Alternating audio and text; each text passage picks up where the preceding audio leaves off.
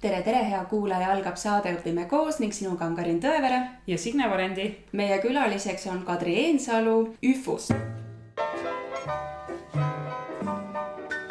tere, Kadri, ole hea, tutvusta siis ise, kust sa tuled. Eh, tere kõigile, tulengi sellisest organisatsioonist, eh, mida me siis eesti keeles hellitavalt kutsume JUFU. pikalt eh, on see, on tegu organisatsiooniga Youth for Understanding ja JUFU on meil selline ülemaailmne võrgustik, mis pakub gümnaasiumiealistele noortele võimalust veeta aasta teises riigis, elada kohalikus peres, käia kohalikus koolis ja üldse siis nii-öelda rohujuure tasandilt kohalikku kohalikku kultuuri tundma õppida. mis riikides noored lähevad? noored saavad minna väga erinevatesse riikidesse. kui äh, meie organisatsioon alguse sai, äh, ta sai alguse Ameerika Ühendriikidest juba pisut üle kuuekümne viie aasta tagasi, et siis esimene õpilasvahetus toimus Ameerika Ühendriikide ja Saksamaa vahel, aga sealt edasi hakkas juba tekkima neid juhurakukesi päris mitme, äh, päris kiiresti, päris mitmesse riiki ja praeguseks hetkeks me ütleme, et, et kuskil viiskümmend riiki on, on meil siis juhu infoga ära asustatud ja, ja umbes sama suure hulga see, seast saavad siis ka noored Eestis valida endale sihtriiki.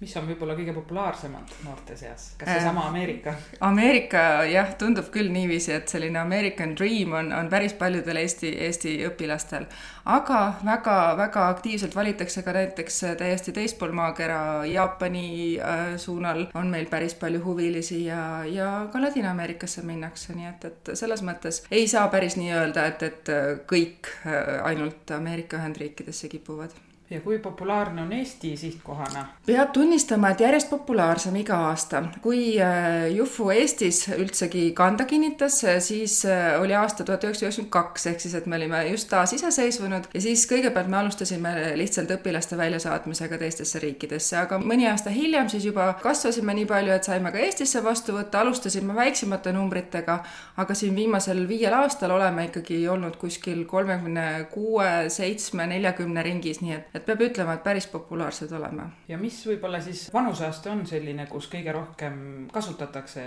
teie võimalusi? kõige levinum vanus, ma ütleksin, et ongi kuusteist, seitseteist eluaastat, et, et kuigi me saame jah, nagu nii-öelda avame võimaluse juba neljateistaastastele noortele, teatud riigid juba võtavad päris, päris noori vastu ja ja lõpetame seal kuskil kaheksateistkümnenda eluaasta juures, et siis kõige populaarsem olekski kuusteist, seitseteist. aga mis te ise näete, mis need põhjused on, kas siis on juba nii-öelda natuke nagu gümnaasiumiastmesse sisse elatud, on julgem minna mm -hmm. või et miks just see? Äh, ma arvan, et,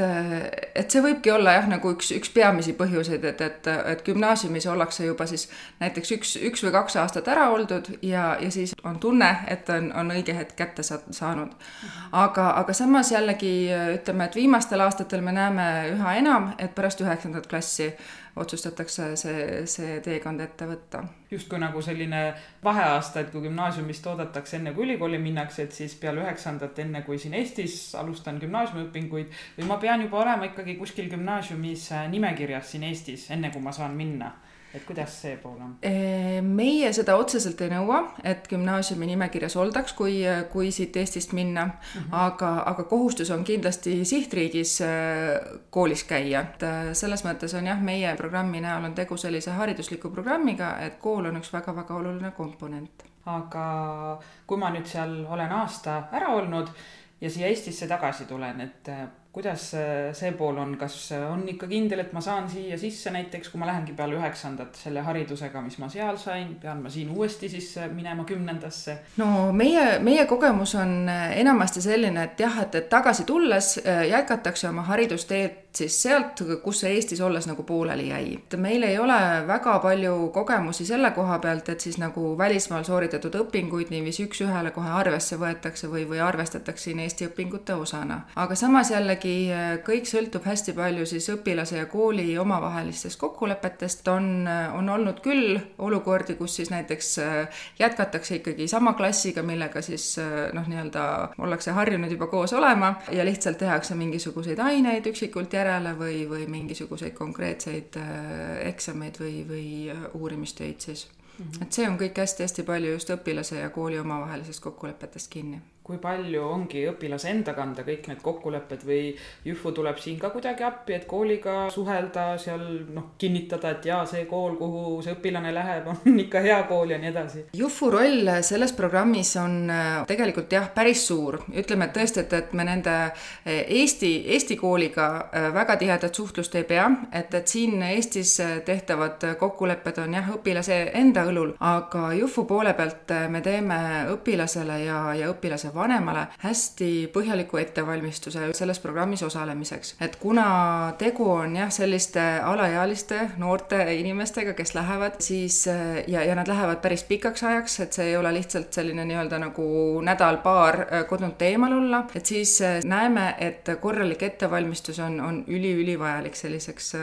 noh, edukaks vahetusaastaks. ja, ja siis see ettevalmistus koosneb päris mitmetest seminaridest, mis toimuvad siin Eestis, samamoodi kui, kui õpilased inimesed jõuavad juba sinna vahetusaastale, äh, ka siis äh, jälgitakse neid pidevalt ja toetatakse. toimuvad äh, sellised seminarid, mis aitavad siis aasta alguse poole või noh, nii-öelda kui, kui õpilane kohale jõuab, siis aitavad kohalikku kultuuri paremini lahti mõtestada. vahepeal aasta jooksul saadakse kokku, et analüüsida, kuidas on senimaani läinud, millised on olnud takistused, kuidas nendest takistustest üle saada ja siis aasta lõpus nii, nii vahetusriigis kui ka Eestisse saabudes me võtame mõlemat pidi siis äh, kokku selle vahetusaasta ja, ja vaatame, et mismoodi see nende saadud kogemuste ja teadmistega edasi minna, kuidas neid kõige paremal viisil ära kasutada oma, oma tuleviku ülesehitamiseks ja, ja mis sellest äh, kõigest siis äh, kasu ja tolku on olnud. et selles mõttes meie tugi ja jälgimine on pidev selle mhm. protsessi vältel. aga pigem siis jah, suunatud välisriiki, kuhu siis laps suundub, et just, et jah. siin Eestis peab ikkagi laps ja lapsevanem siis ise oma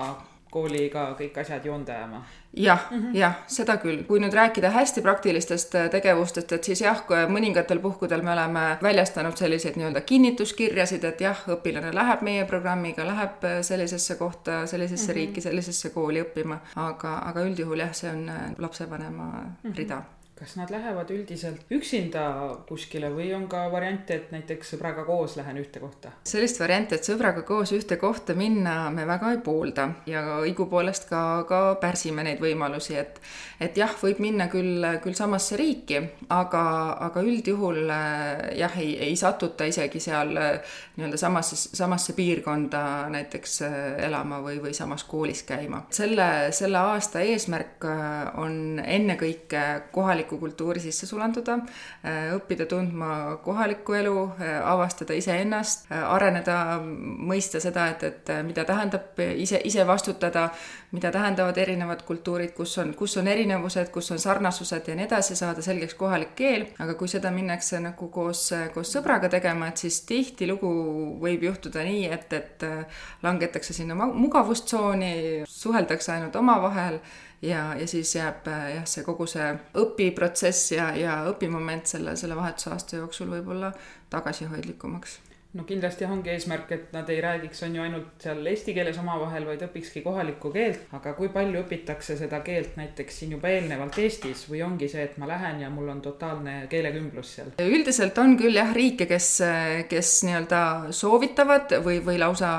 nõuavad, et oleks teatud tasemel see kohalik keel juba enne minekut selge, aga samas on ka päris palju riike, kes, kes pooldavadki sellist keelekümbluse meetodi lõpetamist ja muuhulgas ka Eesti näiteks ei nõua siia tulevatelt õpilastelt eelnevat eesti keele oskust, me läheme pigem selle peale välja, et keelekeskkonnas äh, tuleb äh, keel kõige kergemini ja kõige kiiremini. Eesti õpilastest rääkides ma võin, ma arvan, et, et käsi südamel öelda et, et üheksakümmend üheksa protsenti, kes käivad ära vahetusaastal, tulevad tagasi väga hea keeleoskusega. alguses esimesed kuud kindlasti on keerulisemad ja, ja noh, selle kohta meil on ka omad, omad soovitused, omad nõuanded, meetodid, et kuidas siis nagu kõigepealt sisse sulanduda, et, et harjuda selle keelekõlaga ja, ja võimalikult kiiresti alustada väikeste selliste lausekeste proovimist ja katsetamist, et, et hästi palju on kinni selles enda julguses julguses need esimesed sammud teha, esimesed sõnad öelda, et siia tulevate vahetusõpilaste pealt me näeme, et kuskil niisugune novembri lõpp, lõpp, detsembri algus on juba see aeg, kust, kus võiks oodata nendelt eesti keele katsetamist, jõulusalmid ikka juba eestikeelsed ja, ja siis sealt edasi läheb päris,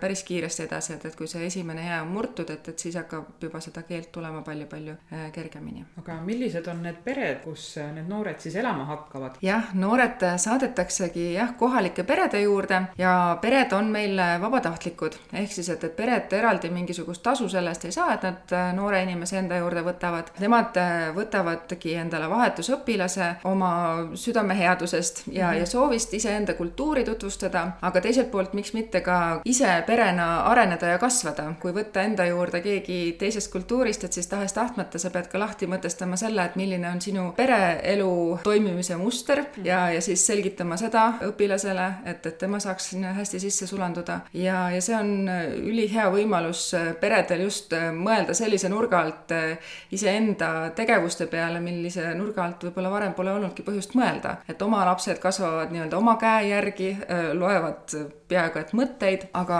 selline viieteist-kuueteistaastane teismeline, kes tuleb teisest kultuuriruumist, esialgu ka on teise, teise keelega, et siis temale selgitada kõike seda, et, et kuidas kogunetakse hommikusöögilauda, millised on tüüpilised hommikusöögid, kes kelle järelt koristama peab ja kes ei pea koristama ja, ja kuni selle hetkeni, et mismoodi ja millises järjekorras õhtuti hambaid pesemas käiakse, et, et kõik see tuleb perel ise läbi mõelda, ära sõnastada ja siis saab seda ka edasi kommunikeerida et selles mõttes on see vahetusõpilase võtmine ja vahetuspereks olemine üks äh, hästi äh, silmaringi avardav äh, kogemus. ja peresid me valime selle järgi, nagu ma ütlesin jah, et, et neil, neis peab olema see motivatsioon, nad tahavad jagada oma kultuuri, areneda, kasvada koos, koos õpilasega ja nad annavad meile ise endast märku. meie loomulikult jagame infot selle või selle võimaluse kohta, aga pere peab kõigepealt jah, iseendast märku andma, siis me käime Jufu poolt äh, neil külas, vestleme nendega, et, et selgitada välja, et mis see motivatsioon siis täpselt on, selgitame, kuidas Jufu tugi toimib ja siis pärast seda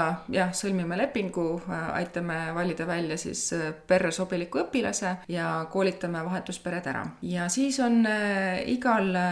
perel terve aasta vältel on olemas ka tugiisik, kelle poole siis saab noh, nii-öelda jooksvalt pöörduda, kui on mingisugused küsimused, aga, aga loomulikult on, on olemas siis ka Jufu nii-öelda kontori töötajad, kes äh, teemaga tegelevad ja kui on mingisuguseid muresid, küsimusi, probleeme, et siis aitame lahendada ka neid. no ikka väga suur ettevalmistus siis, et mitte lihtsalt, et no me võiks võtta kellegi, no võtame siis, vaid ikkagi koolitused, kodukülastused, lepingud, ma kuulsin siin, variante ei ole, et noh, ei tea, kuhu see laps siis nüüd jõuab ja mis see olukord mhm. tegelikult seal peres on, et väga äh, turvaline tundub see jutu järgi vähemalt jah, no see ongi meie eesmärk, et, et see asi oleks võimalikult turvaline, et tegu ongi ikkagi ju alaealiste lastega, et mm., et kes,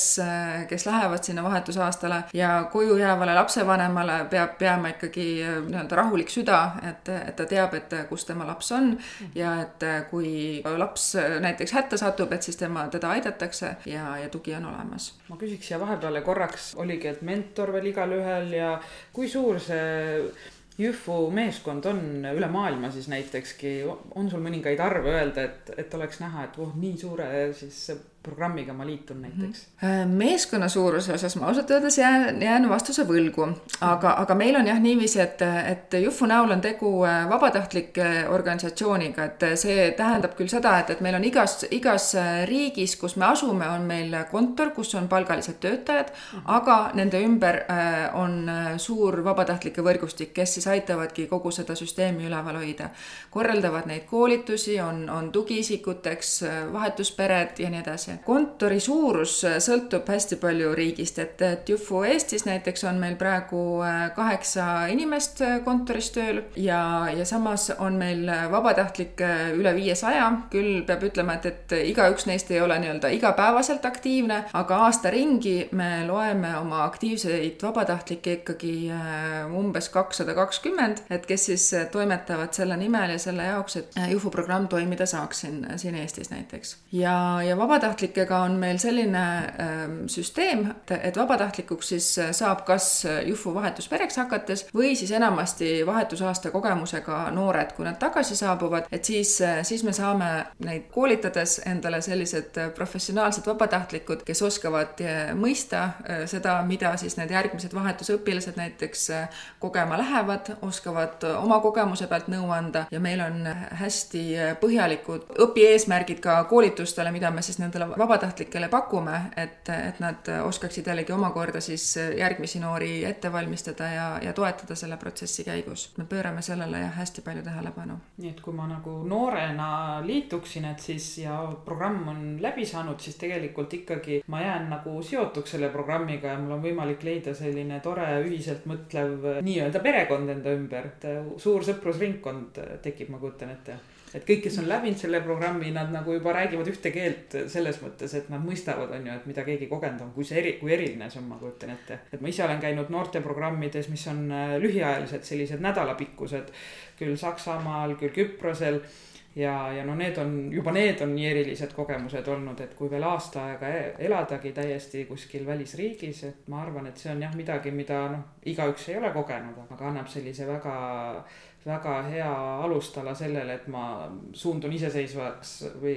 asun elama iseseisvat elu. just jah, et, et see meie äh, nii-öelda kogukonda jäämine muidugi on rangelt vabatahtlik, et, et selles mm -hmm. mõttes me ei sunni tõesti kedagi, aga, aga väga paljud ütleme, et äh, kaks kolmandikku kindlasti igast, igast lennust, kes, kes siis tagasi tulevad, jäävad äh, vähemalt mõneks aastaks väga aktiivselt seotuks meiega siis, kui nad on keskkooli, gümnaasiumi lõpetanud, et siis jah, elu,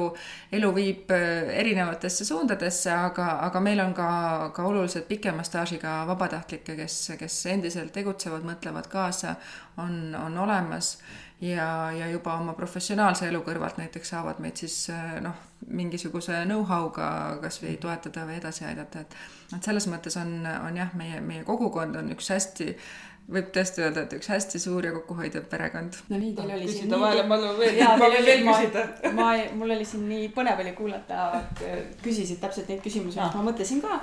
aga ma jäin mõtlema seda, et see vahetuspere, et minul on kogemus selles, et ma olen võtnud vene rahvusest poisi nädalaks enda juurde ja mu oma laps oli nädal aega siis Narvas. selle nädalaga ma tegelikult sain aru, et, et ma väsisin täitsa ära tegelikult, ütleme ausalt, et, et see, kui te rääkisite, et see vestlus ja, ja kõik see koolitus on tegelikult eelnevalt väga oluline, sest sa ei, võid ju mõelda, et ma olen valmis, aga see aasta on ikka hirmus pikk aeg ja teine asi see, et inimestel ongi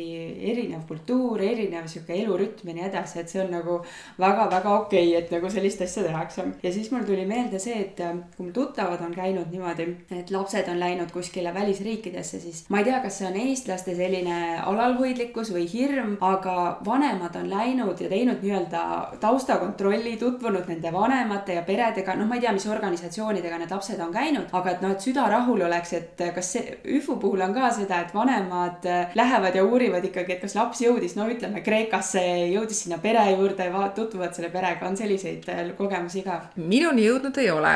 ma väga tahaks muidugi loota, et, et sellist, sellist vajadust ei ole meie, meie programmis ja, ja mis üldse puudutab nagu vanemate noh, nii-öelda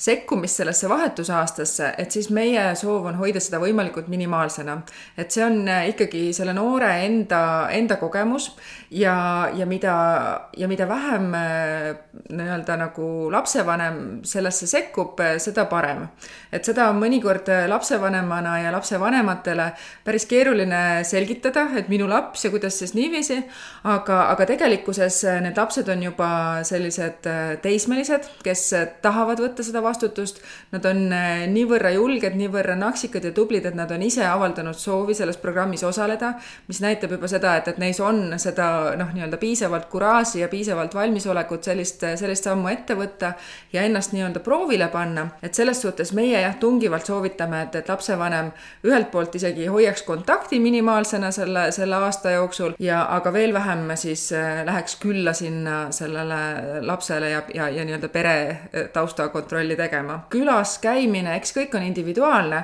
aga võib, äh, võib mõjuda hoopiski negatiivselt oodatud sellise positiivse mõju asemel, et eks, eks me kõik kõik ju varajasest lapsepõlvest mäletame seda, et, et noh, kui viidi suveks maale vanaema juurde või, või laagrisse tuli minna, et kõik oli hästi kuni selle vanemate külastuspäevani ja pärast seda läkski väga nukralt edasi. et umbes seesama efekt on ikkagi äh, selle vahetusaastal külaskäiguga ka, et, et äh, kallite inimeste nägemine tekitab seda koduigatsust juurde, millest äh, võib-olla just-just ollakse välja tulnud ja, ja nii-öelda oma kohalik uus elu seal on, on just, just tekkimas ja siis, siis see võib jah, nagu nii-öelda kildudeks puruneda. no minul on kodus praegu üheteistkümne kuune poisikene ja ma ei suudagi muidugi nii kaugele mõeldagi, aga minu ema süda tilguks küll verd, kui ma mõtleks, et minu laps läheb aastaks kuskile ära. no Karin, sinul on täpselt selles vanuses kaks last kodus. kas sa kujutaksid ette, et nad läheksid nüüd ja terve aasta oleksidki ära, nii et sa näe-, tõenäoliselt suhtled Skype'i teel siis või noh, mingi suhtlus ikkagi ma eeldan, et jääb alles, aga et, et sa ei, reaalselt ei saagi nendega kokku. tõenäoliselt ma teen oma lastele liiga, aga ma kujutan ette, et nad on sellist tüüpi, et nad on piisavalt laisad, et nad ei lähe sinna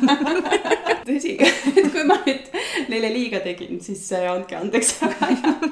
aga mis on need noorte sellised äh, peamine eesmärk siis, et kui minnakse vahetusõpilaseks, kas see ongi keel, on see enda proovile panek või on veel midagi kolmandat või neljandat? tihtipeale esim-, esimeste asja, asjadena nimetataksegi, et keel äh, ja tahaks, äh, tahaks ennast proovile panna ja kogeda midagi uut, õppida tundma teist kultuuri. et need on sellised nii-öelda nagu peaaegu et nagu silmaga nähtavad, käega katsutavad, hästi, hästi reaalsed tulemid siis sellisele õpirändele. aga, aga mida nad tegelikult sinna tegema lähevad, on tegelikult nad lähevad ju seesmiselt kasvama ja arenema. et see on nende esimene võimalus üldse nii-öelda nagu täiskasvanuna ennast proovile panna, et jah, nad elavad perekonnas, aga siiski on nad eemal oma sellisest tavalisest turvavõrgustikust, millega nad harjunud on. et ei ole niiviisi, et, et kõik need noh, nii-öelda samad mustrid kaasa võetakse, seal vahetusperes ongi äh, igaühel, igal, igal perel on oma, oma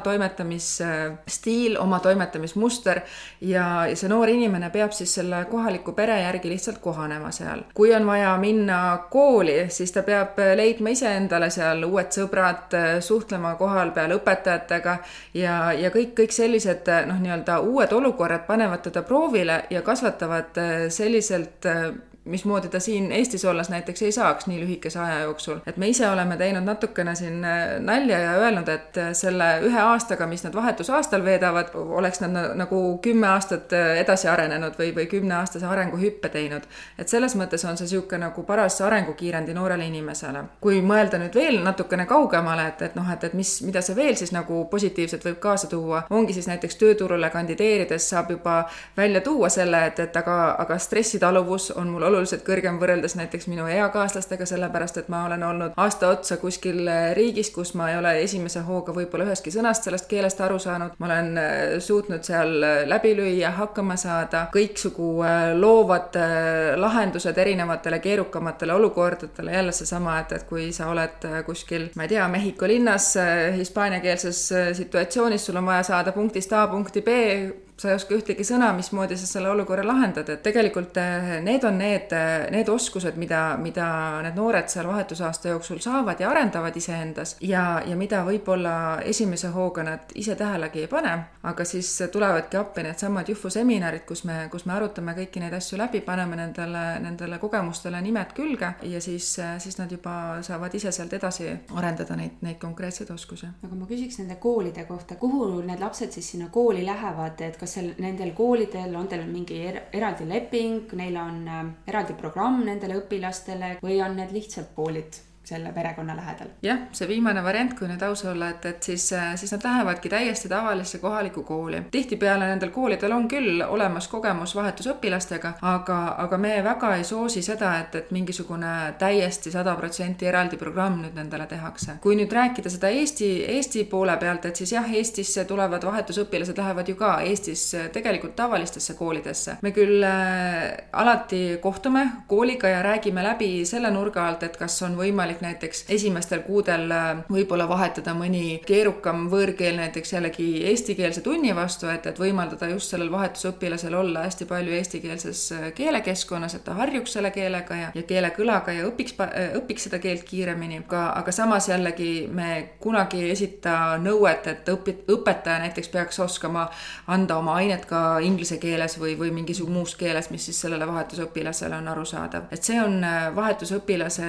enda enda kohustus saada hakkama selles olukorras, leida lahendused, noh, tänapäeval muidugi on see suhteliselt lihtne, kui me räägime kõikidest äppidest, mis tõlgivad ja, ja kirjalike tööde tõlkimine on tegelikult juba algusest peale päris jõukohane. aga, aga jah, et, et eesmärk on siis võimalikult kiiresti see, see kohalik keel selgeks saada, et saaks siis juba minna sellesama klassi, klassitempoga edasi. aga kui me kasvõi räägime siin Eesti oma koolivõrgust, gümnaasiumisse sisseastumiseks tuleb teha ju katsed ja niisama ei saa, et kui sõbralikud on Eesti koolid koostööd tegema, saate nendele vahetusõpilastele kohad ikka? saame ikka kohad, ilma koolita pole keegi jäänud. et selles mõttes äh, üldiselt on, on meile see koht leitud, et, et mõnikord on see käinud äh, kasvõi noh, nagu siin pooleldi naljaga öeldes nagu vahetuskaubana, et sealtsamast koolist sobivast klassist on just keegi läinud tühvuga vahetusaastale näiteks Mehhikosse ja siis me oleme saanud kellegi teise lapse siis nii-öelda selleks ajaperioodiks äh, sinna koha peale. aga, aga üldjuhul on, on aastaid, aastakäike, kus on, on see natukene keerulisem, natukene raskem, aga, aga üldiselt ikkagi just laabub kõik. kas need lapsed pannakse siis ikkagi vanuse järgi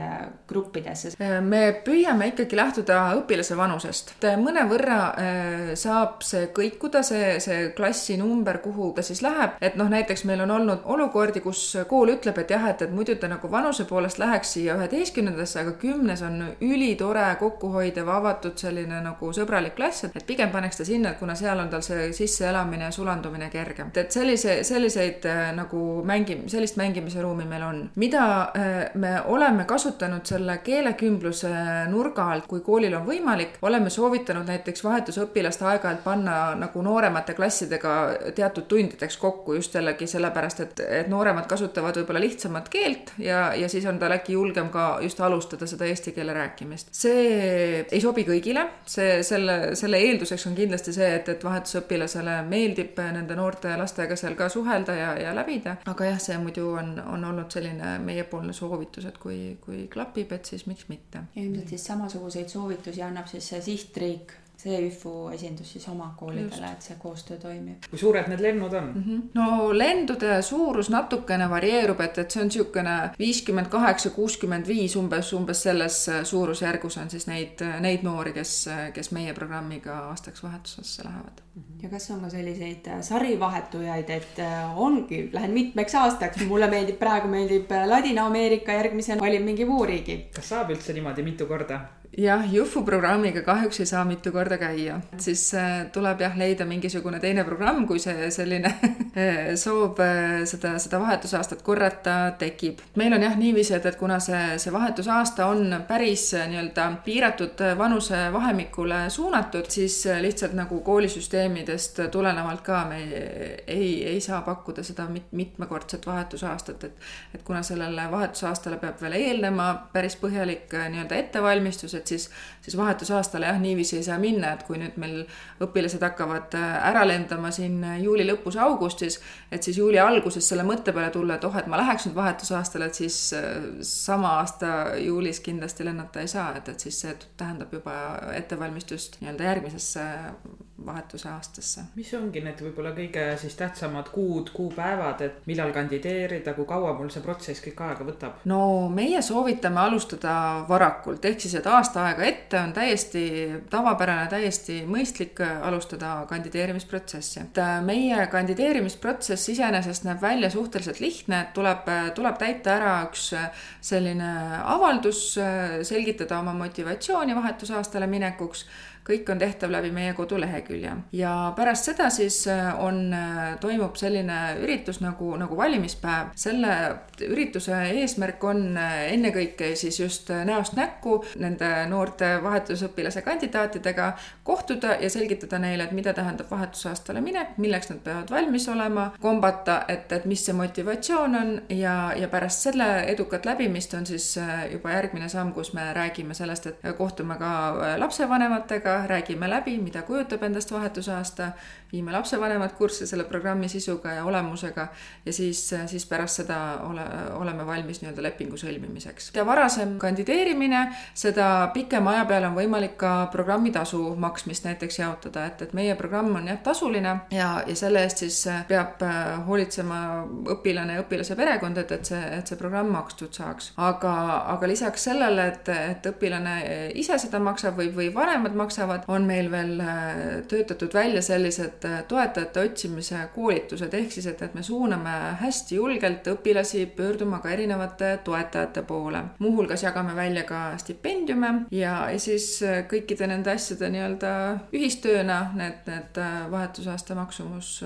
saab ilusasti tasutud. me räägime sellest vahetusaastast, kas see ongi, ma ei tea, augustist augustini või see on ikkagi augustist juunini või mis see aasta on? jah, see on äh, selles mõttes äh, nagu pigem nagu kooliaasta, et äh, enamasti on ta umbes üksteist kuud, et kui augusti alguses minnakse, siis kuskil juuni lõpus, juuli alguses tullakse, et umbes üksteist kuud. ja selline keskmine maksumus, ma saan aru, et see oleneb siis riigiti, see summa? just, et see sõltub palju riigist, Euroopa Euroopas ma ütleksin, et keskmine on selline kuus pool tuhat, äh, üle ookeani on pisut kallim, näiteks siin äh, Ameerika Ühendriigid on, on üheksa pool tuhat ja, ja Ladina-Ameerika jääb sinna seitsme poole kanti. no ikka korralik summa, nii et tegelikult juba mina soovitaksin põhikoolis, kui hakata mõtlema selle peale lapsevanematena raha kõrvale panema, et ma tean, et näed, laps kunagi tahaks minna või tahan võimaldada talle seda kogemust, hakata juba niimoodi vaikselt koguma, aga põnev oli kuulata, et julgustate lapsi ise toetajaid otsima, et kes siis äh, võiksid toetada, et üks noor läheks kuskile välismaale? toetada võiks tegelikult äh, iga eestimaalane et küll. Äh, selles mõttes, kui me nüüd äh, vaatame seda, seda kasu, mida üks välismaal õppinud noor võib Eesti riigile pärast tagasi tuua oma, oma avatud äh, meele ja, ja julge pealehakkamisega, et siis äh, ma arvan, et, et iga euro on väärt investeering. aga nii-öelda konkreetsemas mõttes jah, meil on eraldi sellised toetajate otsimise koolitused välja töötatud, kus me siis õpetamegi neid noori, et kuidas iseenda sõnumit edastada täiesti põhivõõrastele inimestele, ettevõtetele ja, ja just selgitada selgitada oma motivatsiooni, et miks, miks inimene või ettevõte peaks siis toetama selle noore ettevõtmisi. meie nagu soovitus ja, ja nii-öelda loogika selle taga, et miks me soovitame õpilastel selles protsessis osaleda ja toetajate otsimisega vähemalt katsetada on ka see, et, et see jällegi kasvatab noort inimest, õpetab teda nagu läbi mõtlema seda, et, et mismoodi ta iseennast tutvustab, äh, milliseid omadusi ta välja toob endal, kelle poole pöördub, enesekindlus, äh, kõiksugu selline nii-öelda enesemääratlus, pädevus, kui me räägime nendes õppekava terminites, et kõik see areneb äh, sellise tegevuse käigus jällegi väga-väga suurte sammudega. aga noh, üks summa on nüüd see programmis osalemine, aga aasta aega elada kuskil välisriigis, et noor kindlasti kindlasti ju ikkagi vajab ka sellist taskuraha, et osta, ma ei tea, riideidki või midagi sellist, kas see raha peab tal siis ikkagi endal seal juba olema eelnevalt kaasa võetud või on ka mingisugune, ma ei tea, töötamise võimalus seal, kuigi me räägime alaealistest, ma kujutan ette, et see on mhm, keeruline mm. -hmm. jah, töötamist meie programmis me kahjuks ei luba mm, -hmm. et, et seal on jah, nagu enamasti on need mingisugused viisapiirangud või sellised olukorrad seal ka ja, ja põhifookus peaks minema õppimisele, et sellepärast ka. aga tõsi on jah see, et, et see programmi osalustasu, et see sisaldab siis kõike seda ettevalmistust, äh, kindlustust, koolitusi, lennupileteid ja, ja selliseid asju, aga kohapeal on ikkagi taskuraha vaja jah, sellisteks nii-öelda igapäevasteks kulutusteks, et küll elatakse pere juures mhm. ja, ja toidule ja ööbimisele ja esmatarbekaupadele raha ei kulu, aga näiteks, et kui noor tahab minna sõpradega kinno või niiviisi, et siis seda näiteks vahetuspere ei ole kohustatud kinni maksma, et oleme öelnud, et, et iga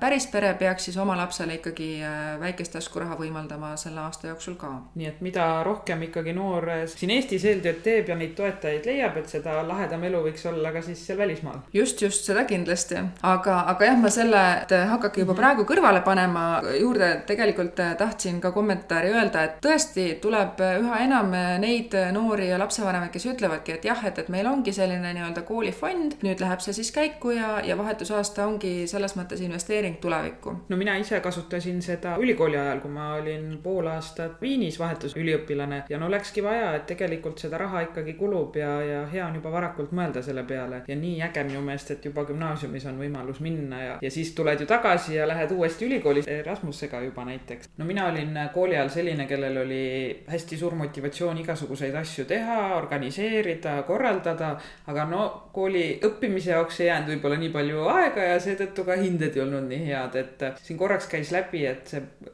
kandideerimisprotsessil te hindate seda motivatsiooni. kas ikkagi need koolihinded, mis mul reaalselt tunnistusel on, kas see on ka oluline, et mul oleks ikkagi ainult neljad-viied või, või, või mille põhjal siis need noored ikkagi välja valitakse? no ütleme niiviisi, et hinded tun-, noh, nii-öelda tunnistusel või, või e-koolis võivad saada määravaks teatud riikide puhul. päris sellised ainult, ainult puudulike hinnetega me ei saa kuhugi saata kahjuks. aga kui on, ütleme niiviisi, et neljad-viied, mõned kolmed, et, et see kindlasti ei saa takistuseks, et on, on teatud riigid võib-olla noh, näiteks kus Jaapani puhul võib-olla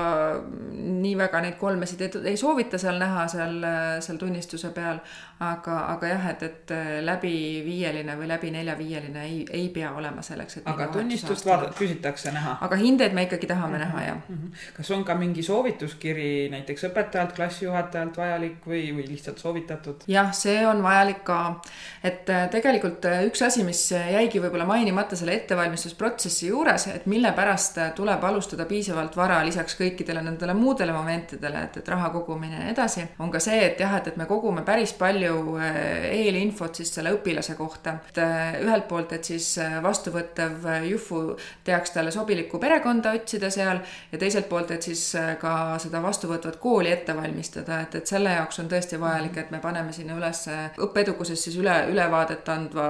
tunnistuse väljavõtte, õpetaja, klassijuhataja või keegi, kes tunneb õpilast, peab siis kirjutama sellise iseloomustuse õpilase kohta. et see on, seda ei pea kindlasti nagu, nagu pelgama või, või kartma, see on just sellepärast, et, et sellel vastuvõtjal oleks võimalikult adekvaatne pilt sellest õpilasest, kes sinna tuleb, et, et ei tähenda, et, et kui sul on tunnistusel kolmesid, et siis kindlasti ei saa sinna, vaid lihtsalt siis õpi-, õpetaja oskab sellega arvestada. kui sul on tunnistusel ainult viied, et siis õpetaja teab, et jah, et tegu on kindlasti akadeemiliselt hästi võimeka noorega, keda me saame siis eraldi suunata mingisugusesse ülivõimekate õpetajate klassi, aga, aga kui, kui need hinded keskpärasemad, et, et siis see ei ole otseselt takistus, aga lihtsalt äh, vajalik info meile. no seda on hea teada, ma arvan, et mina, kui siis viisteist aastat tagasi oleks seda väga tahtnud teada, et äh, jah, et see, et mul tõesti see kolm seal matemaatikas on, ei ole takistus, et ma ikkagi võin kandideerida ja, programmi. jah, kindlasti. kas seal vastuvõtus on veel midagi, millest jäi rääkimata? kodu, kodulehel on suhteliselt samm-sammuliselt kirjas jah, et, et ma, ma arvan, et kõik need muud asjad said, said seal üles loetletud, noh, me nimetamegi seda nagu rahvusvaheliseks failiks, et on niisugune andmebaas, kuhu tuleb siis eh, ka muuhulgas lisaks, lisaks sellele õppeedukusele ja õpetaja soovituskirjale tuleb iseenda kohta natukene kirjutada seal selline nii-öelda nagu perekiri, mis tähendab siis sellist kirja oma tulevasele vahetusperele, panna iseendast pilte üles, siis tuleb käia arstide juures, et, et oleks nagu tervis kontrolli all ja siis, siis juba, et mida, mida aeg edasi, et kui juba hakkab aprillikuu, maikuu kätte jõudma ja kui on tegu sellise näiteks kaugemale üle, üle ookeani minekuga, et, et siis tuleb ka hakata alustada viisa, viisa ettevalmistustega ja, ja viisat taotleda ja, ja kõik sellised paberid korda ajada. kui noored lähevad välismaale, kas pooleks aastaks või aastaks ja tulevad tagasi, et tõesti ei pea kartma seda, et kui see noor nüüd sinna läheb, et ta ei tulegi tagasi, mis ma kujutan ette, et on võib-olla nii mõnigi vanema hirm, et kui ma saadan ta nüüd ära, äkki ta ei taha tullagi, aga tegelikult on ikkagi minu puhul küll vastupidi, et käid ära ja tuled tagasi, saad aru, kui armas ja hea meil siin Eestis ikka on ja tahad seda elu siin Eestis arendada ja veel paremaks teha, et ei pea kartma, ma arvan, et kõik, kes lähevad, ei tule enam tagasi kindlasti jah, ja selle juurde ma lihtsalt kommenteerin, et noh, et meie ju saadamegi alaealised, nad peavad tagasi tulema.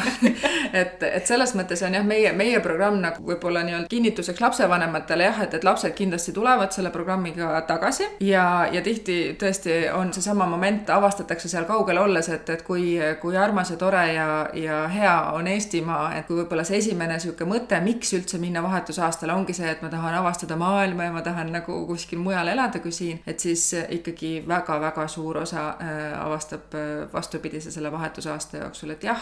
jätkatakse seda nii-öelda õpirännet võib-olla tõesti, et ülikoolis ka, aga Eestimaa on ikkagi see, mis on kodu ja siia tullakse tagasi ja, ja nii-öelda pühendatakse siis ennast Eesti, Eesti riigi paremaks muutmisele. ma küsiks selle lapse päevaplaani kohta, et noh, ütleme, et läheb see laps sinna Jaapanisse või noh, kuhu iganes riiki, ta käib seal koolis, aga mis ta pärast kooli teeb, mis ta nädalavahetusel teeb, kas see on nüüd selle pere siis äh, sisustada või see laps ise peab otsima kõik need võimalused? see on nii pere sisustada kui siis ka see jah, et, et laps peaks ise otsima, et, et põhimõtteliselt äh, kõik võiks olla sarnane, nii nagu, nagu siin Eestiski on, et, et kui ta käib kuskil trennis, et noh, et, et täpselt samamoodi võiks ta käia ka vahetusaastal kuskil trennis, kui neid konkreetseid spetsiifilisi treeninguvõimalusi ei ole, võib katsetada midagi uut, kellele meeldib ähm, joonistada vabal ajal, et, et võib joonistada vabal ajal, et, et selles mõttes me nagu selle vaba aja sisustamiseks otseselt äh, käske ei anna. küll jah, me soovitame vältida seda, et, et see vaba aeg kuluks näiteks telefonis istumisele või, või arvutis Youtube'i vahtimisele. et, et see ei ole siis nagu päriselt see vahetusaasta mõte. me hästi-hästi soosime seda, kui, kui õpilane pärast tunde ka mingisugusest sellisest äh, hobitegevusest osa võtab, et see on jälle üks võimalus endale seda sotsiaalvõrk, sotsiaalset võrgustikku ümber tekitada ja, ja uusi sõpru saada, keelt äh, praktiseerida. Ja, ja samas jällegi, et kui nädalavahetused äh, noh, perega koos veeta, et siis see jällegi hõlbustab äh, just perekonda sisseelamist ja, ja kõik need äh, perekonna tavatraditsioonidest osavõtmine, see on jah, üks, üks selline nii-öelda nagu nipp või soovitus nendele vahetuspereks hakkajatele, mis, mis meie poolt ka tuleb, et, et kindlasti ei, ei tasu teha oma pere tavarutiini muudatusi või vähemalt mitte liiga palju muudatusi, et kõik need muudatused peavad olema sellised, et oh, see on põnev, teeme me, teeme nüüd midagi teisiti, et näiteks ma olen siin kuulnud Eesti peredest, kes on alustanud näiteks ühiseid äh, õhtu, õhtusöömaaegu äh, just äh, nagu nii-öelda inspireerituna sellest vahetusõpilasest, et muidu pole, senimaani pole nagu õnnestunud, aga siis nüüd on hea põhjus nagu ennast uuesti kokku mhm. võtta. aga, aga kindlasti jah, ei tohiks seda vahetusõpilast kuidagi nagu käsitleda kui külalist, et, et, et tõesti, et võib-olla nagu üks-kaks nädalat, kuu aega jaksad niiviisi olla, olla nagu eraldi kikivarvul nii-öelda tema tema jaoks, aga mm, -hmm. Aga tõesti, et kui läheb kauemaks, et siis see, see on lihtsalt liiga pingeline pere enda jaoks. võimalikult kiiresti lasta, lasta tal hakata toimetama pesema siin nõusid, kui, kui oma perelapsed peavad seda, seda tegema, kui, kui on vaja, siis äh, klopib vaipu ja, ja peseb põrandaid ja ühesõnaga, et, et kaasata kohe nii-öelda tavapärastesse peretegevustesse. no need ootused võib-olla, et hull meelelahutusprogramm mulle korraldatakse, et see võetakse tõenäoliselt seal seminaridel maha ka õpilastel. ja peredel, et, et sa ikkagi jah, mhm, mhm. lähed sinna perre elama, mitte külaliseks, keda siis peab võõrustama nii-öelda just mm, -hmm. just, et küll jah, me oleme saanud tagasisidet näiteks Eesti peredelt, et kes on öelnud, et väga tore oli see, et, et vahetusõpilane oli. meil oli jälle põhjust äh, sõita nagu mööda Eestimaad ringi, et muidu ongi juba kõik kohad nii-öelda läbi käidud, pole nagu mhm. motivatsiooni, aga et, et siis tänu, tänu temale see oli, aga see on, see peabki olema puhtalt pere enda otsus mm, -hmm. et mhm. mitte kindlasti ei ole see kohustus mm. -hmm. jah, sest rahakotile on see ju jälle väljaminek. just, just mm. -hmm. aga kas lühemaid programme on ka või teil ongi ainult äh, aastane programm? Eh, tegelikult on lühemaid ka, et meie küll hästi aktiivselt soovitame just seda aastast programmi, eh, sest et eh, meie kogemus on näidanud seda, et selle aasta jooksul toimuvadki need protsessid täpselt sinnamaani ära, et, et kui nii-öelda aastaring saab täis. meiega saab minna iseenesest ka, ka semestriks isegi pakume suveprogramme, nende, nende puhul ei, ei ole see, see tulem võib-olla nagu päris, päris selline, kui me räägime selle aastase programmi puhul, et et selle aastase puhul ongi aega seal nii-öelda sisse elada, keelt õppida, perega äh, kohaneda, sõbrad leida ja siis, siis saab see aasta läbi, et, et kui see, kui see asi on nagu pisut lühem, et siis võib see nagu nii-öelda pooleli jääda mõnes mõttes me oleme aasta aega Eestist väljaspool elanud, et ma mäletan, et kui me läksime, siis äh, mulle öeldi juba ette, et tuleb see mõõnaperiood alguses, et no täpselt oligi see pimedal talve, pimedal talve ajal oli lastel niimoodi, et me tahame Eestisse, me tahame koju. ja kui me selle ära elasime üle, et noh, et siis edasi oli juba, kõik oli väga tore, et, et tegelikult ma arvan ka, et selles jutus on iva, et see aasta on nagu selles mõttes, et jõuab selle mõõna läbi käia ja siis nautida seda uut kultuuri ja keelt ka. no mina ise tundsin seda täiesti Viinis mm -hmm. olles, ma arvan jah, et see aasta on nagu tundub võib-olla pikk, aga tegelikult, kui juba sinna kohale oled jõudnud, et siis äh, täitsa piisav. lasen sulle seda salvestust siis, kui sul poja hakkab minema väga hea mõte aga, aga selles mõttes ma võin, ma võin öelda, et, et ühelt poolt me, me toetame ka lapsevanemaid, et kellel võib-olla on raske oma, oma last selles mõttes vabaks lasta ja, ja ikka hing valutab ja, ja, ja noh, ema, ema süda on ema süda, mis sa sinna ikka teha saad. aga me, me kohtume aasta jooksul ka kaks korda vähemalt lapsevanematega, päris tugigrupiks vist ei saa seda nimetada, aga, aga ikkagi modereeritud vestlusringides, et kus saab siis oma emotsioone jagada, oma küsimusi küsida, oma kogemusi äh, peegeldada ja, ja siis, siis nii-öelda teiste, teiste omi vastu kuulata ja, ja tajuda, et ahah, näed, kõigil on samamoodi või et ahah, sa lahendasid selle olukorra nii, väga hea mõte. aga kui minu laps nüüd osaleb selles programmis, see ei tähenda ju automaatselt, et mina pean nüüd kellegi endale siia Eestisse vastu võtma, nii nagu koolides sellised nagu lühiajalised vahetused on. just, see ei tähenda seda, et meie mhm. programm ei ole niiviisi üles ehitatud, et, et nii-öelda kaup kauba vastu, laps lapse mhm. vastu, et, et meie jah, nagu tervitame väga väga rõõmsalt seda, seda mõtet, et, et oma laps läheb ära, et siis keegi teine samal ajal asemele võtta, mis mõnes mõttes pakub tõesti võib-olla seda võimalust näha nagu kõrvalt, et mida, mida oma laps siis võib kogeda, et noh, et, et tõesti, et, et kui juba hakkavad esimesed eestikeelsed laused tulema näiteks vahetusõpilasel siin, et siis tõenäoliselt on oma lapsel ka, oma laps ka jõudnud sinnani, et, et räägib juba võib-olla mis iganes keeles siis seal, aga põhimõtteliselt jah, seda kohustust ei ole. no see on tõesti huvitav jah, et äh, kõrvalt näha siis ja võib-olla kui telefonivestlused on ja laps on nutune, et siis oskad teda nagu lohutada, et sa mõistad teda. et näed, mis sa, mis ta läbi on, elab sellel hetkel mm. -hmm, jah ma küsiks veel nende noorte kohta, et kes kandideerivad sinna programmi, et kas on tajuda ka seda, et mõne noore puhul on noh, kindlasti on see kahtlus, et kas ma ikka saan, et noh, ühelt poolt on see teismelise eufooria ja adrenaliinilaks, et oh, ma lähen ja jätangi kõik selle Eesti siia selja taha korraks niimoodi, aga et on tajutav ka see, et võib-olla vanemad on nagu survestanud, et see noor ei ole tegelikult nii kindel, et kas te seda tajute ise ka ära? jah, selle, selliste olukordade nagu märkamiseks meil ongi needsamad äh, üritused äh, seal taotlusprotsessi päris alguses alguses, mida me nimetame valimispäevadeks. et äh, meie kogemus on näidanud, et, et kui see soov ei tule ikkagi lapselt endalt nii väga, et siis ei pruugi sellest vahetusaastast ka head nahka saada. ehk siis, et, et jah, et me püüame välja selgitada selle, et, et see motivatsioon on lapse enda oma, et ta ei põgene siit kodust mingisuguste probleemide eest näiteks, sest et probleemidel on see kehv komme, et nad kipuvad kaasa tulema. ja just see, et, et see ei ole nii-öelda nagu äh, ema või isa soovunelma äh, noh, nii-öelda väljaelamine siis äh, lapse kaudu. see peaks olema kindlasti lapse enda motivatsioon. loomulikult on, on igal, ma kujutan ette, et igal vahetusõpilasel hetki, kus ta nagu kahtleb iseendas ja mõtleb, et issand, kas ma tõesti julgen seda teha, aga, aga sellistest hetkedest ülesaamiseks ongi meil need seminarid ja, ja ettevalmistavad koolitused ja siis samamoodi need tugiisikud, kes aitavad sellistel raskematel hetkedel helget näha. aga kuidas need noored jõuavad teieni, et noh, nad on üldiselt on ju motiveeritud ise minema ja tõenäoliselt sealt äh, internetist äh, teid ka leitakse. aga kas te kuidagi käite ka koolides, minu meelest äkki ma oleks näinud teid äh, T-Viidal, et on oma boks üleval, et milline on see selline teavitustöö? püüame olla võimalikult nähtavad just sellise, sellistes kohtades, kus meie sihtgrupp siis liigub. T-Viit, erinevad messid, oleme püüdnud konverentsidele enda saadikuid saata, kes saavad siis jagada oma, oma vahetusaasta kogemust ja samamoodi me käime ka koolides, et me oleme nüüd juba viimased viis aastat käinud koolides mitte lihtsalt lihtsalt tutvustamas Jufut kui, kui toredat äh, vahetusprogrammi, vaid äh, ka pakkumas selliseid äh, huvitavaid koolitunde kohe. et mis toimuvad siis meie vahetus, endiste vahetusõpilaste, praeguste vabatahtlike eestvedamisel, kes on saanud siis ka vastava koolituse. kõik need tunnid, mis on kokku pandud, need vastavad otseselt õppekava eesmärkidele. õpetajad saavad neid julgelt siis nii-öelda oma, oma tunni asemel kasutada. meil on küll limiteeritud ampluaa, et, et me keskendume siis äh, kas äh, keele ja kultuuri äh, teemadele, ehk siis et keeletundidesse ja, ja sellistesse näiteks emakeeletundi, kus saab siis kultuuri lahata, sinna saab kutsuda meie vabatahtlikke tunde andma. Ja siis samamoodi tunnid, mis puudutavad kuidagi ühiskonda, et ühiskonnaõpetus näiteks või midagi sellist, kus jällegi saavad siis endised vahetusõpilased rääkida läbi iseenda kogemuse, et mismoodi nemad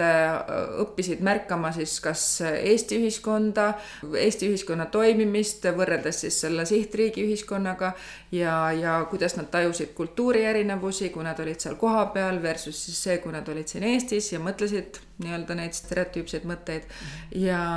jah, et, et selli-, sellistel teemadel me käime koolides tunde andmas, et iga sügis me nimetame seda selliseks nagu nii-öelda koolituuriks, on meil niisugune intensiivsem periood, kus me siis kohe ise hästi hoolega pakume koolidele seda võimalust ja, ja tegelikult terve õppeaasta vältel me oleme avatud sellistele kutsumistele või kutsetele ka koolide poolt kas te eelkõige keskendute gümnaasiumitele või siis ka neid tunde on võimalik kutsuda andma põhikooli? me käime ka põhikoolides. meie kogemuse järgi on, ütleme niiviisi, et kaheksas-üheksas klass täiesti küpsed ja sobilikud selliste tundide jaoks, et, et ka mõningad seitsmendad, aga see sõltub natukene klassist endast. et see on pigem jah, nagu noorelt noorele selline otse omas vanuseastmes siis räägivad aga õpetajana see on ju väga põnev võimalus, mina küll jah, olen siin algklasside pool õpetan ja tegutsen seal, aga ma kujutan ette, et kolmas kooliaste, see võiks olla väga hea võimalus oma tundi rikastada ja, ja tuuagi kellegi, kes on sealsamas riigis elanud, rääkima näiteks oma kogemust, et Just. kui ma seal üleval õpetaks, siis ma kasutaks seda hea meelega jah, soovitan kolleegidele mõtet jagada mm. -hmm ja, ja teine asi, mida me saame noh, no koolile pakkuda, ongi siis needsamad Eestis olevad vahetusõpilased. tegelikult äh, me oleme hästi palju julgustanud ka neid koole, kes võtavad äh, vahetusõpilase endale seda vahetusõpilast heas mõttes nagu ära kasutama, et tal lasta siis oma, oma kultuuri tutvustada, näiteks äh, teha mingisuguseid kasvõi tunnipõhiseid ettekandeid, et, et igas maailma nurgas on erinev vaade erinevatele sündmustele, et noh, et siin oli meil üks, üks ülihea näide Kiili koolist näiteks, kus siis õpiti äh, teist maailmasõda ja siis neil oli klassikaaslane, klassis oli siis Jaapani vahetusõpilane, kes siis tegi ettekande sellest, et kuidas seal äh, tema Jaapanis on seda teist maailmasõda õppinud ja ja, ja ka õpetajal oli väga põnev seda kõike kuulata, et, et noh, selles mõttes saab, saab neid Eestisse tulnud vahetusõpilasi ikkagi igatepidi nii-öelda rakkesse panna mm, -hmm. et oleks, oleks endal silmi avav ja, ja õpilastel ka põnevam kas sul on veel mingeid selliseid põnevaid näiteid, no kindlasti on mingid õpilased eriliselt meelde jäänud, silma paistnud millegagi, kas siin siis Eestis või välismaal, et või mingid sõprussuhted on tekkinud ja jäänud? Äh, jah, neid, neid sõprus, sõprussidemeid näiteks jah, on, on, on ääretult palju. et me ikka aeg-ajalt saame veel Jufu noh, nii-öelda töötajatena selliseid kirjakesi endistelt vahetusperedelt näiteks, et jah, et näed, et meie saksa laps kutsub meid praegu oma pulma sinna kuhugi Saksamaale näiteks või siis, või siis. mul tuli ka, mul tuli päriselt, mul tuli ka kanarahv peale. või siis, või siis endised äh, vahetusõpilased, kes siis on nüüd e nii-öelda Eestist vahetusaastal käinud õpilased, lähevad siis oma lastega siis näiteks Hollandi vanavanematele külla, kes on siis tegelikult, eks ole, sealt vahetus, vahetusperest pärit ja ja noh, selles mõttes neid on, neid on nii palju ja, ja need, need tekivad iga-aastaselt, äh, neid tekib juurde ja, ja see on üks ääretult, ääretult tore ja, ja soe ja, ja emotsionaalne moment selle, selle kogu selle vahetusprogrammi juures. mis on võib-olla sellised nagu nagu vahvad ja, ja huvitavad ja võib-olla natukene ootamatumad lood on siis näiteks midagi sellist, et tihtipeale me siin Eestis nagu kipume noh, arvama, et, et mis see Eesti siis ka ära ei ole, et, et on nagu on ja noh, et, et äh, ilm on ka selline nagu on. mis meil siin näidata on, eks ole. et välismaal on ikka kõik parem ja umbes, umbes, umbes sellist suhtumist me aeg-ajalt oleme, oleme kogenud ka aga, aga tihtipeale just näiteks seesama, et, et viia vahetusõpilane sügisel metsa seenele või marjule on, on selline asi, et, et nad ahmivad õhku selle peale ja, ja noh, meil üks, üks Mehhiko poiss näiteks rääkis veel kevadel, et, et ja, ja kõige suurem emotsioon oligi see, et ma läksin metsa ja ma võisin neid mustikaid võtta ja suhu pista sealt ja, ja see oli, oligi tema nagu, jaoks nagu niivõrd siiras ja, ja huvitav kogemus, et tema ütles jah, et, et tema jaoks on, on marjad alati turult tulnud, et, et ta ei teadnud, et ta ei ole neid kunagi näinud niiviisi kasvamas. ja, ja üks selline armas lookene on, on siitsamast Tartu lähistelt pärit, et kus siis vahetusõpilane elas äh, perekonnas, kes tegeles ka põllumajandusega, et kartuleid pandi ja ja siis äh, juba mitu aastat äh, hiljem, kui noh, neil olid väga-väga head äh, suhted endiselt säilinud ja siis vahetusõpilane siis ühel sügishommikul helistas oma vahetusemale, et kuule, et, et kas teil on kartul juba üles võetud? ei ole veel, et aga mõtlesime, et hakkame nüüd homme-ülehomme võtma. siis see vahetusõpilane ütles, et ei, kuulge, et ärge, ärge praegu veel võtke, et ma tuleks nüüd nädalavahetusel oma sõbraga külla teie keele, siis võtaks koos, et siis ma saan talle ka näidata, et mida tähendab nagu päris töö tegemine noh, fantastiline. et need sellised asjad jah, et, et mille üle võib-olla Eesti, Eesti noor ei oskagi rõõmustada või mõelda, et vot, et läheks nüüd kartulit võtma sõpradega, oleks tore. ja, ja noh, neid naljalugusid on, eks, eks neid äh, selliseid äh, keeleapsakaid ja, ja asju nagu ikka tekib, et äh, tuleb meelde see, et oli jällegi vahetusõpilane, kes juba eesti keele oli päris hästi omandanud ja ta juba tegi eesti keeles siis koolitöid kaasa ja siis oli, oli neil vaja teha üks äh, referaat äh, koduloomadest. Neil oli kodus kass ja siis pani siis äh, referaadi pealkirjaks, et kasside söömine ja siis see ko-, Eesti õde siis pidi nagu täpsustama, et ära seda pane, et, et pane ikka kasside toitumine või midagi sellist, et muidu võidakse valesti aru saada. et, et selliseid noh, nagu vahvaid ja toredaid apsakaid ikka, ikka mm, -hmm. ikka tuleb ja. Kadri, aga sul endal on ka lapsed? mul endal on ka lapsed. no kuidas nendega on, kas nad on maailma juba ära avastanud või, või on ootel? Üks käinud, kaks ootel. Täitsa, täitsa, täitsa tehtud jah. et äh, mu äh, vanem laps käis siin nüüd siis kolm aastat tagasi, läks Mehhikosse, oli aasta otsa Mehhikos ja, ja selle noh, natuke nagu jätkuks siis veel pärast gümnaasiumit elas pool aastat Hispaanias ka.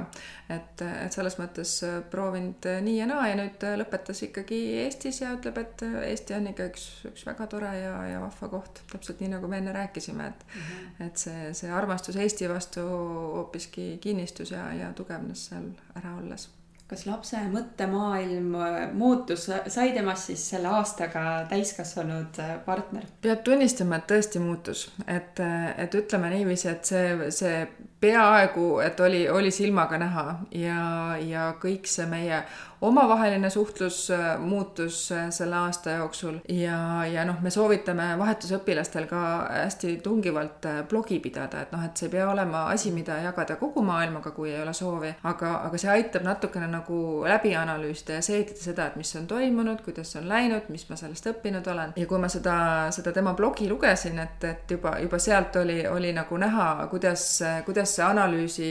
Äh, oskus äh, muutus, et, et kuidas tõesti nagu nii-öelda, mida kuu edasi, seda, seda täiskasvanulikum see jutt äh, seal kõik oli ja et selles mõttes oli, oli päris, päris positiivne kogemus. me oleme siin äh, oma saadetes rääkinud äh, väga palju ka sellest, et äh, eesti lastel vene keele õppimine raske, venekeelsetel lastel eesti keele õppimine. kas siin saab Jüfu appi tulla või Venemaa ei ole see riik, kuhu te saadate lapsi? tegelikult meil on olemas Venemaal ka partner ja, ja Venemaale me saame saata ka õpilasi praegusel hetkel äh, viisatingimuste muutumise tulemusena küll ainult kolmeks kuuks, et terveks õppeaastaks ei saa. aga, aga meil on jah, praegu üks, äh, üks värskelt Venemaalt saabunud Jufu vahetusõpilane, Eesti, Eesti tüdruk siis, kes veetis aasta Venemaal ja tema, tema vene keele oskus äh, on küll juba väga-väga hea mm. -hmm. ja, ja noh, niiviisi teisest küljest saab jällegi tutvustada sellist võimalust, et meil on ka Lätis tegutsev Jufu, kes pakub siis sellist nii-öelda viie-kuuenädalast äh, venekeelset suveprogrammi, et ka võib-olla nagu noh, nii-öelda katsetamiseks, äh, proovimiseks, et, et kuidas siis see, see vahetusaasta võiks äh, sobida, et, et siis selline programm on ka olemas. see tähendab siis ka seda, et, et elatakse venekeelses peres toimub äh, intensiivne vene keele õpe põhimõtteliselt igapäevaselt nii-öelda lisaks sellele pere, perele. Ja, ja siis ikkagi jällegi ka kogemus on näidanud, et, et vene keel on seal siis ka selles programmis olles ka paranenud. aga ja. sina, ma saan aru, et sinu taust on tegelikult sihuke haridustöötaja, sa oled. jah, ja, ma töötasin äh, sihtasutus Innoves äh, pikalt Rajaleidja võrgustikuga, siis ennekõike just selle karjääri planeerimise noh, nii-öelda poole üles ülesehitamisega, et. Jah, selles mõttes on mul hästi, hästi sihuke läbirõhk haridustaust jah. ja kuna sul on äh, kogemus laste näol ka olemas, kas sa näed, et mida saaks Eesti hariduselus võib-olla teisiti teha, et see keelekümblus oleks kuidagi parem? see on väga sihuke uhke, uhke küsimus, ma mul noh, see on hästi sihuke nagu isiklik arvamus, mina näen äh, ja mulle tundub, et, et mida noorem laps, seda kergemini hakkab see keel külge ja seda julgemalt peaks äh, õpetama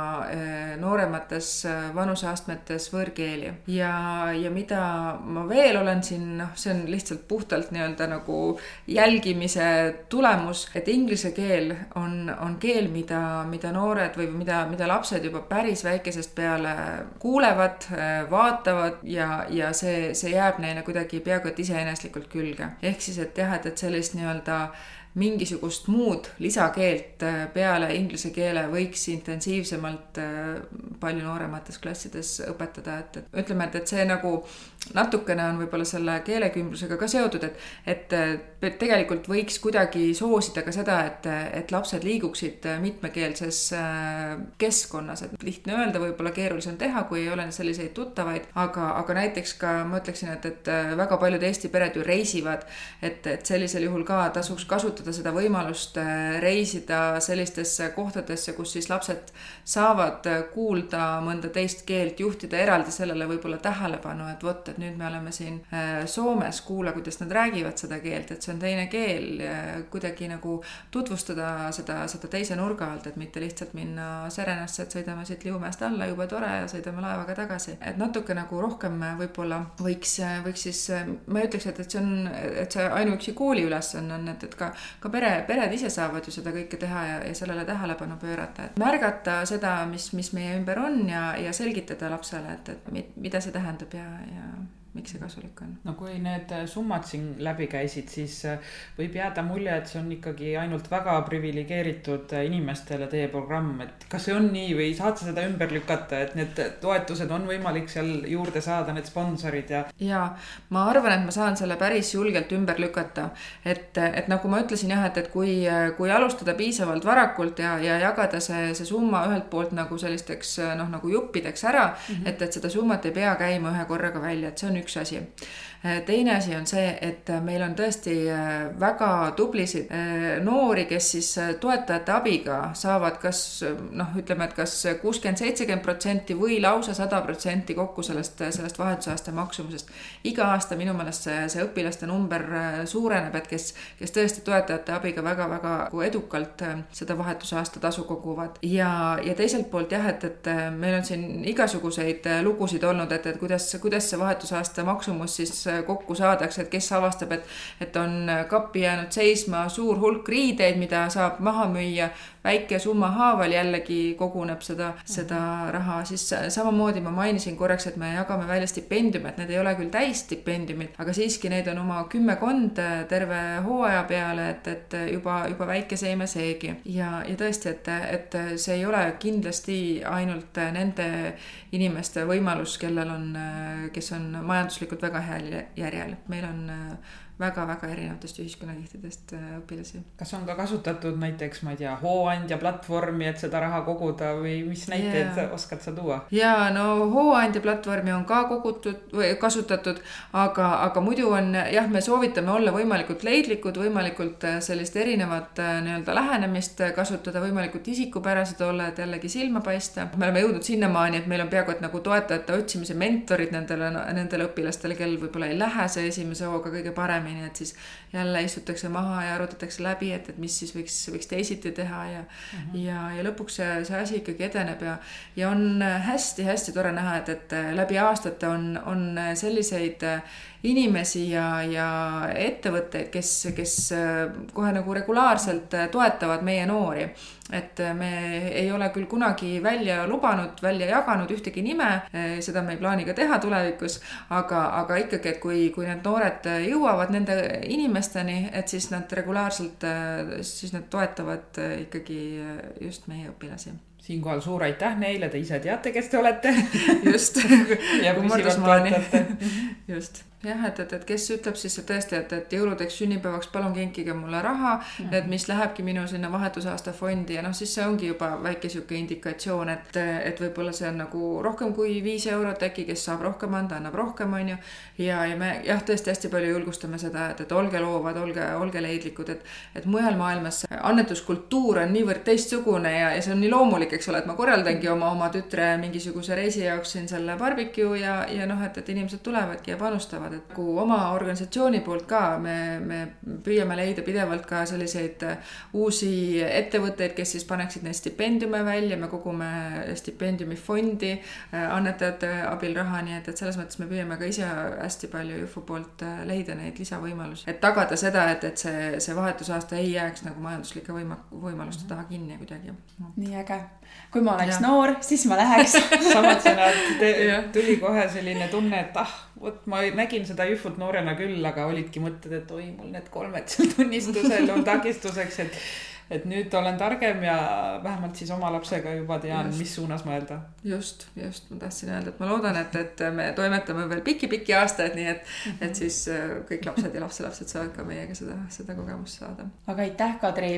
nagu sa aru said, siis Jüfu poolt oleme meie inspireeritud, me hea meelega jagame oma taskuhäälinguga siis äh, seda sõna nüüd kõikide õpetajate seas, lastevanemate seas ja loomulikult ka noorte seas. aitäh sulle, et tulid. suur aitäh kutsumast järgmise korrani. Kuulmiseni. kui sinagi said koos meiega täna uusi mõtteid ja inspiratsiooni, siis anna taskuhäälingule hoogu juurde, likei, jaga ja kommenteeri meie postitusi sotsiaalmeediakanalites kui soovid taskuhäälingut Õpime koos toetada, siis täname sind annetuse eest MTÜ Tartu Loomemaja arveldusarve kontole. kõik vajalikud lingid leiab saate kirjeldusest